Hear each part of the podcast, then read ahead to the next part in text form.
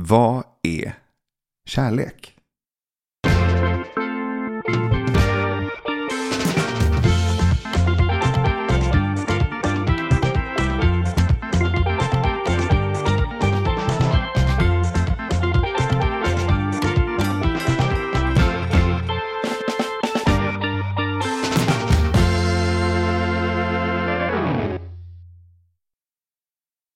Ska vi ta reda på det eh, eller vill du att jag ska svara?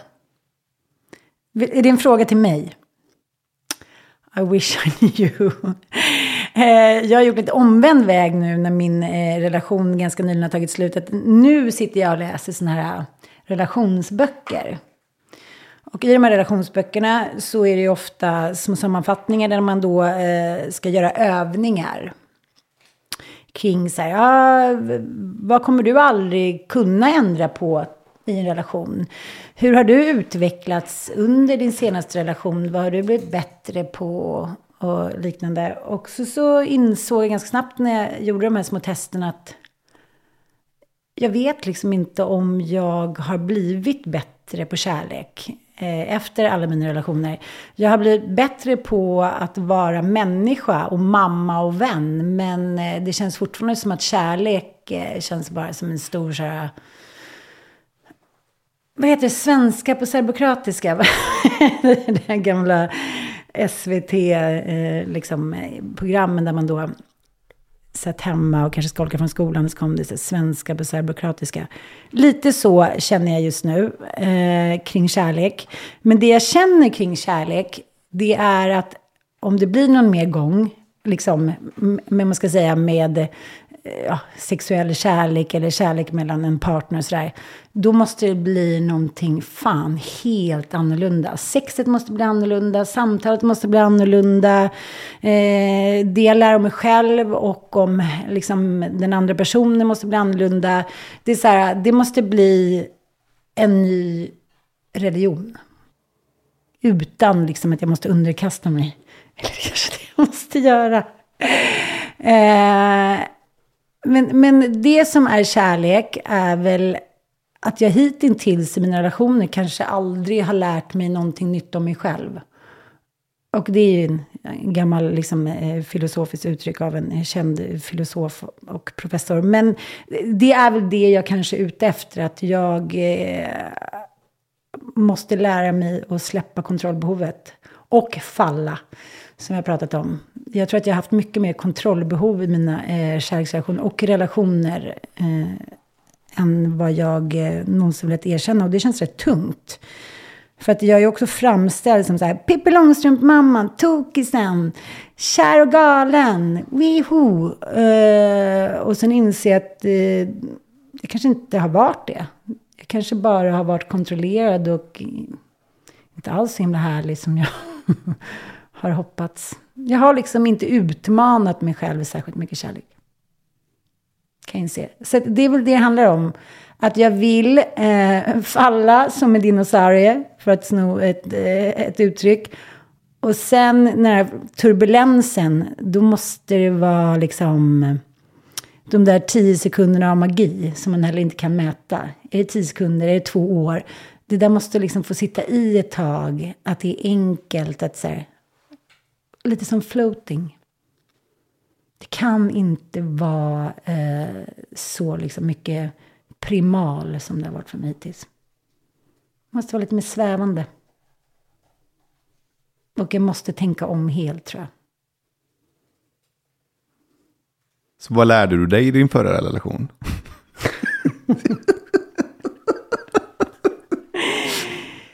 Nej, men jag lärde mig också väldigt mycket. Vad är det Freud säger? Att vi tror att vi eh, väljer liksom våra partners. Så att vi sådär, ja, ska jag fundera lite, liksom, ja, ska jag tänka efter lite om det här blir ett bra parti för mig. Men sen så kanske personen som man ser petar i håret eller drar i håret på sättet som ens pappa gjorde. Påminner om en doft som man liksom känner igen från barndomen liknande. Och då eh, är man på något sätt fast. Eh, så det jag insett också är att jag nog aldrig har valt själv kärleken. Utan de eller den har valt mig. det kan bli jättebra ändå. Eh, men jag har också haft mycket föreställningar om den här klassiska kärleken. Att det måste vara, det måste vara sex, det måste vara passion, det måste ske grejer hela tiden. Eh, jag tänkte på det när jag körde Vasaloppet nu. Jag cyklade Vasaloppet. Så tänkte jag så här, gud vad konstigt det känns i kroppen. För den här vidriga backen är ju exakt samma som när det var snö.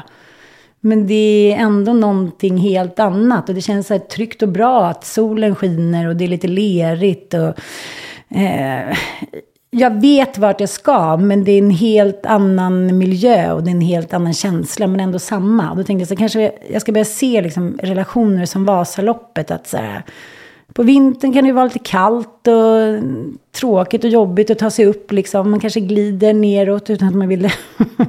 på sommaren är det lite så. Och sen på hösten att jag, att jag ska se liksom kärlek lite mer som en säsong. Det kan inte vara sommar hela tiden. För då blir det bara en lång mörk vinter. Det kanske jag har lärt mig. Vad är det som måste bli annorlunda nästa gång? Eh, det är att inte vara så rädd för eh, andra människors känslor. Jag är väldigt rädd för att andra människor inte hela tiden ska vara i fluffiga lyckomoln. De får inte känna för mycket. Jag ska bestämma hur vi alla ska känna. För att jag själv inte ska må dåligt. Eh, sluta regissera kärleken. Och kanske eh, vara med någon som eh, inte är så beroende av mig. Och som inte bryr sig så mycket om mig. Och som är så här, ja, nej. Nu sticker jag iväg, ha det så bra så här. Sluta håll på, du behöver inte skapa något drama. Någon som kanske kan få bort mig från eh, ja, min an mina anknytningsproblem. Att inte tro att eh, man blir övergiven bara för att någon går ut genom dörren. Någon som får mig känna att liksom, du är sådär och du är som det. Kan vi hjälpas åt? Kanske du kan hjälpa mig. Men jag, jag kommer att vara kvar. Du behöver inte sätta igång någonting. Små världskrig. Och sen så kanske någon som ger mer, eh, ger mer än, eller lika mycket eh, som jag ger. Jag var på en fest i fredags och då sa Claes Åhlund till mig, vi har känt varandra ganska länge, han är musiker, jag tror de flesta kanske vet vem det är. Teddy Bears, ja, behöver inte någon förklaring. Och så sa han, vi satt runt en liten eld och så sa han så här, jag har känt dig så himla länge, du kanske ska sluta och skapa Frankenstein sa hon till mig, i kärleksrelationer. Så här, vad menar du? men sluta att skapa de här energierna, att du skapar liksom eh, en, ja, en, en, Frankenstein i kärlek. Jag, jag har tänkt på det där, jag förstår ju vad han menar, men eh, han menar att jag inte behöver regissera kärleken. Eller vara i såna här liksom hysteriska energier hela tiden och bestämma vilka som ska vara med och vilka som... Man kan bara vara lite. Förstod du vad han menade? Vilka delar av kärleken är Så det? Du får inte svara. Gud vad jobbigt. Förlåt. Ja. Du får väl ställa frågor. Ja. Vil... Gud vad jobbigt. Ja. Vilka delar av kärlek känner du att du behöver regissera och varför? Jag tror att jag har liksom hela mitt liv tagit mig vatten över huvudet. Dels för att det kanske är få människor som har sagt så här, jag tror inte riktigt du klarar av det där. Det där blir nog lite för mycket för dig. Den kanske har spelat med av olika anledningar. Eh, så att jag tror nog att, det har, att de runt omkring har tyckt att det varit skönt att jag har regisserat, att jag har styrt och ställt. Men eh, nu inser jag det, eh, och det är också jobbigt, att det har de nog inte. Det har väl också varit rädsla för att någon annan ska då regissera och då eh, får jag kontrollförlust. Och blir rädd då eh, att bli övergiven. Vilket är då eh, min, ja, min grundkänsla då att så här, jag ska bli ensam och utanför flocken. Liksom. Och det där har ju vi pratat om att eh, även i kärlek så måste vi tillbaka till någon känsla av att, det, liksom att vi är en flock. Att det, vi kan inte sätta så stor tillit till eh, liksom, eh, kärleken till en annan människa. Nu menar inte jag barn eller kompisar, utan just partnern. Vi kan inte liksom kräva av den här stackars lilla personen att den ska ge en så mycket. Att vi ska få en sån liksom emotionell tillbakakaka hela tiden. Vilka krav ställer vi på våra kärlekspartners i Sverige idag som egentligen inte är rimliga? Men de är så orimliga. Det, är skrattretande och orimliga krav vi har på våra kärlekspartners. Jag gjorde en eh, tv-serie som heter Kärlekens historia. Eller, ja, den hette En rolig historia. Så var en del av... Eh, ja, ett avsnitt handlade om kärlekens historia. Och jag tror att det var på sent 1600-tal som en kvinna som blev kär i en guldsmed eh, för första gången gick då till, eh, till domstol för att säga jag vill gifta mig med den här snubben, jag är kär i honom. Och min pappa går inte med på det och min familj och eh, jag går inte med på det. Jag ska ha honom, jag ska gifta mig med honom, han ska vara liksom my man. Och då fick hon rätt. Och det är första gången som det finns liksom något som dokument att en människa i Sverige då har, eh, liksom, har tänkt så här, jaha, jag behöver inte bara liksom, eh, jag behöver inte bara tacka och ta emot gubben bredvid där som äger en gräsplätt så vi kan slå våra gräsplättar. Utan jag kan faktiskt, eh, fan jag går till, jag, jag gör någon rätt sak av det här liksom. Så och bara se på liksom min mamma till exempel, eller på den generationen framför oss, så känner jag inte att hon ställde, och hon och hennes väninnor ställde jättemycket krav på, eh, på liksom sina män. Jag menar inte att det var bra, men eh, jag blir alltid så rädd när mina kompisar säger så här, men min man är min bästa vän. Eh, och han är också min älskare, han är min sportkompis. Eh, älskar att prata med honom. Eh, jag klarar inte av att läsa de här inläggen på Instagram längre. Vare sig det är till barn eller det är till någon partner. Det är så här... Det är som att någon är nio år. Du är min bästa vän, grattis på födelsedagen. Vem bor jag utan dig? Du har lärt mig allt. Man bara, Nej men gud, stackars lilla tjej. Hon är alltså nio år och har lärt dig 43 år allt du vet om livet. Dels är det ju helt liksom befängt. Och I så fall har du inte lärt någonting. Eh, men dels är det också att man... Men att lägga den här tyngden av gudakrav i liksom, vad ska jag säga, icke-religiös värld. Det, det, ja, vi kräver verkligen allt. Så jag säger, men gud, jag vill inte alls att min partner ska vara min bästa vän. Men där har jag också tänkt om. jag tänker att det, det, är mycket bättre om han är min bästa vän. Så behöver det inte vara allt det där andra. För det kan jag ju få på annat håll. Men eh, så att jag tänker att liksom, vad ska vi göra åt det där? Och eh, jag har försvarat det där. Men det är väl mysigt och nu är alla hjärtans dag. Och nu vill jag bli överraskad och kommer man hem så har du inte ens köpt något vin. Och så, ska vi vara nöjda med det här? Något kan du väl ha gjort för mig och bla bla bla. Liksom, först ska vi prestera hela veckorna. Sen ska vi prestera på semestern. Sen ska ungjävlarna prestera. Sen ska vi karriär prestera. Sen ska vi vara snygga hit och dit. Och sen ska vi också kräva av liksom våra partners att de ska prestera 24-7. Det är klart att det blir maktkamp alla kan ju inte vara stuppare liksom. Nej, men det är ju så. Jag tror jag har varit väldigt dålig på att känna in så här, ja, det här är den typen av man jag valde, hur är han? Jaha, nej okej, han var så. Ja, men då fattar jag att han inte vill att vi ska ha 40 gäster här nu ikväll. Att jag kom på det för en timme sedan.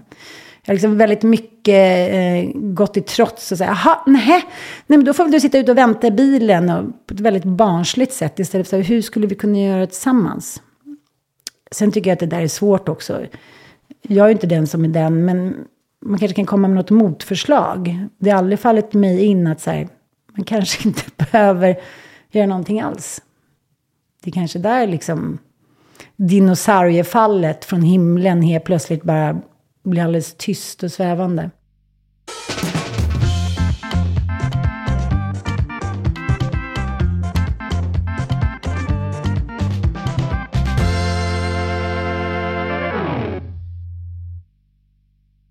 Vad har kärlek med gräsplättar att göra? gräsplättar? Eh, sa jag det? Jag tror inte svara. Eh, gräsplättar? Eh, förlåt, nu är jag... Kan vi bara... Sa jag det? Vad, vad, vad, har, vad har kärlek med att eh, hitta någon som har gräsplätten bredvid att göra? Nej, men när vi idag i den moderna världen där vi kan liksom välja partners precis som att vi går ut i en liksom, ja, men matvaruaffär. Det är ju faktiskt så vi gör. Ska det, ska det, ska det. Eh, äh, det där verkar inte så himla bra. Som, att, som Tinder till exempel. Att eh, du kan redan från början ja, sen kanske inte det stämmer, men du kan ändå se, ja det där, han gillade sånt och inte sånt. Nej, då är inte jag så intresserad av det. Då går vi till nästa. Man special, vad ska man säga, designar ju sin partner. Ja, men lite som Frankenstein. det är liksom, det är det man gör. Och eh, när man är nykär, man är uppe i hormoner eller i drömmen om kärleken, då funkar ju det där ganska bra. Att tycka att så här, ja men den, den där butiken hade ju nästan allt som jag vill ha. Men så kommer liksom vardagen och du vet, det hormonella går ner. Ja, det blir av olika anledningar kriser som det alltid blir. Och eh, då ter sig helt plötsligt den där affären som en gammal DDR-butik liksom. Med några liksom, ja, torkade bönor och någon så här bullens bruna korv typ. Ja, men, och det är där vi fastnar. För då har vi ju liksom haft den där visionen om den här fantastiska amerikanska grocery-butiken och helt plötsligt så är det Krakow. Och då kan vi bara inte släppa tanken om att vi måste tillbaka dit. Fast det kanske inte är dit vi vill.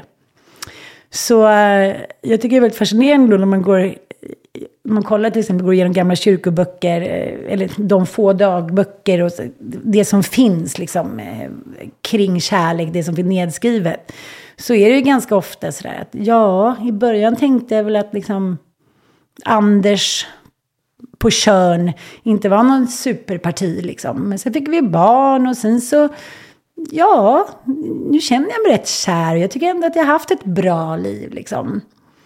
Eh, det är så svårt för oss eftersom vi inte tror att vi ska leva ett till liv eller 15 till liv. Eh, att se liksom någonting långsiktigt. Och ändå så ser jag nu mina vänner som har hållit ihop länge, through thick and thin, verkar ganska nöjda över att de inte har gett upp på något sätt. Sen tror jag, liksom du, på någon form av grundpassion. Det är svårt att liksom börja med så här Bregott och limpa.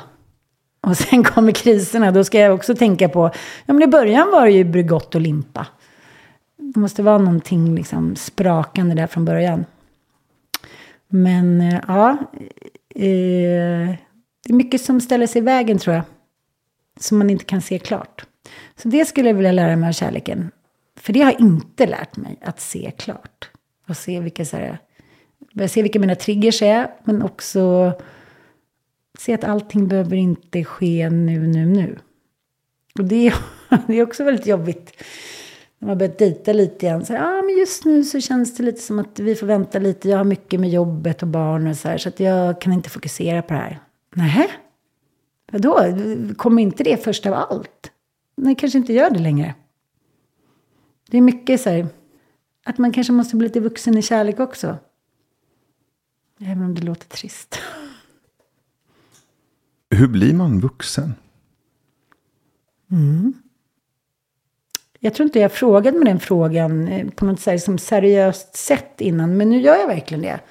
Jag skulle vilja bli lite mer vuxen. Och sen så eh, läste jag senast igår att människor med ADHD, de, de mognar då 30-40 procent senare än vanliga människor. Jag tänkte, då är du en 30 nu. och så tänkte jag så här, gode gud, låt mig få leva ett långt liv. Just det där att det är just som nu som jag känner att jag skulle klara av att börja bli lite vuxen. Uh, jag menar inte att tåget har gått, men det känns lite så här, jaha, den mogna kärleken. Vad ska det gå ut och då får man inte, ja, får man inte ligga då så mycket. Alltså, jag, jag känner att det känns väldigt ungt när jag tänker på vad kärlek är.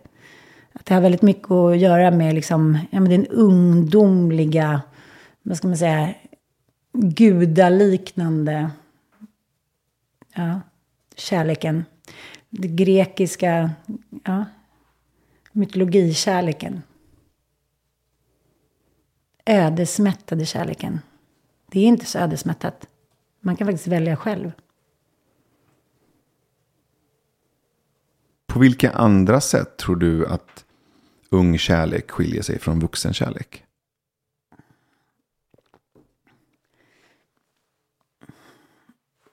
Jag tänker på när man var liksom, det var 16-17 års åldern och på riktigt trodde att man skulle dö när man var ifrån den man var kär i en vecka. Det gjorde så fysiskt ont. Det var som att någon bara karvade och karvade liksom ens hjärta, ens mage, ens lungor. Eh, det gick liksom inte att eh, stå fast i den där känslan. Men sen dess tror jag att jag var ganska duktig på att regissera för att slippa hamna där igen. För häromdagen säger en kompis till mig, nej jag måste ta det lite lugnt, för du vet där förra sommaren, då vaknade jag ju varje morgon i tre, månader av att jag grät efter han hade lämnat mig. Jag sa så här, jag tänkte, min första spontana reaktion var så här, va? Varför vaknar du av att du grät? Liksom, det var väl inte värd ungefär. Och då insåg jag att jag eh, eh, kanske, ja, det blev ganska uppenbart för mig att jag inte har vågat älska eller leva i en vuxenrelation.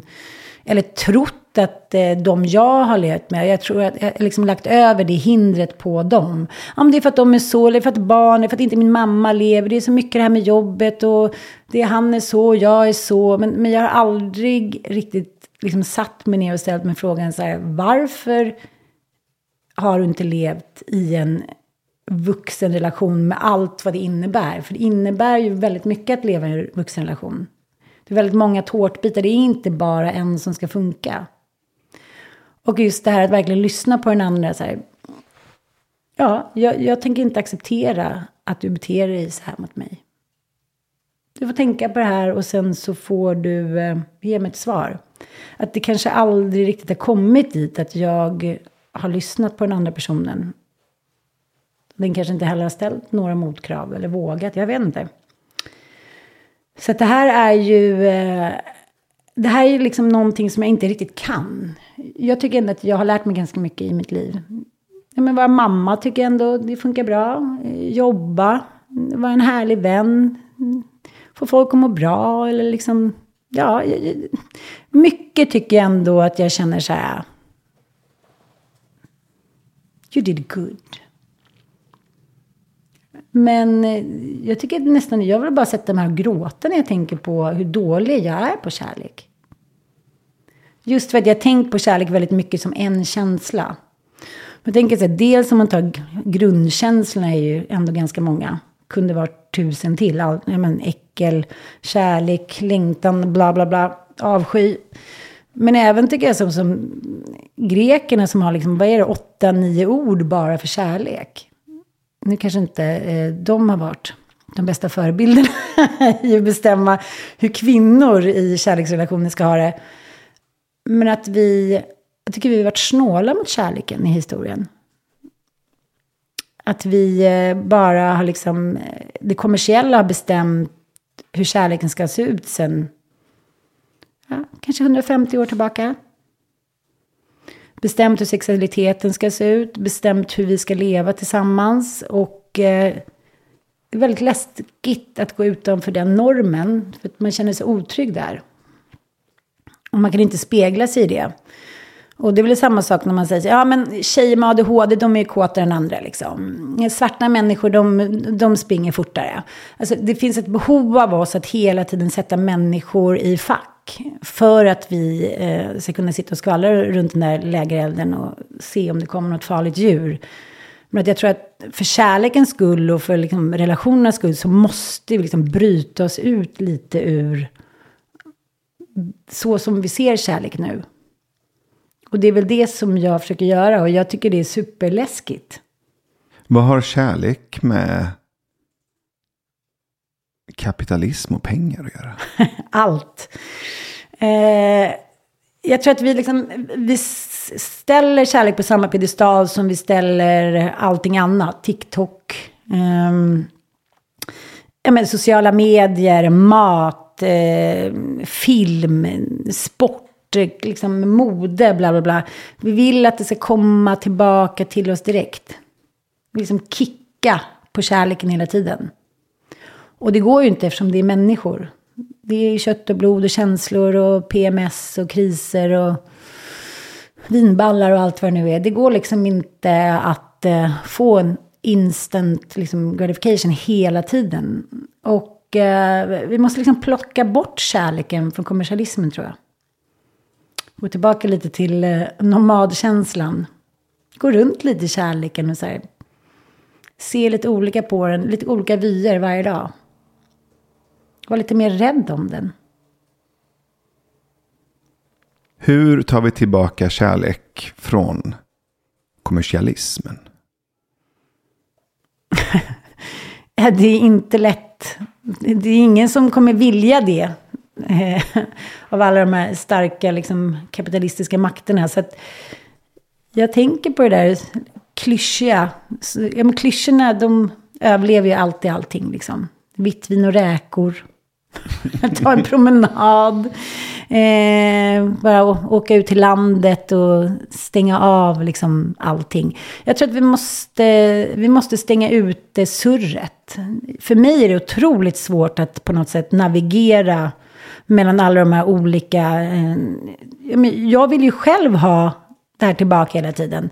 Med barnen, ja, fem barn, det är klart att det är mycket. Jag vill liksom leva i känslan av kortisol, av adrenalin, eh, av alla dessa liksom dopamin. Jag vill vara där hela tiden och jag har varit väldigt duktig på... Eller jag har inte varit duktig med det. Jag har varit väldigt oduktig på att eh, på något sätt ta reda på vad som är vad.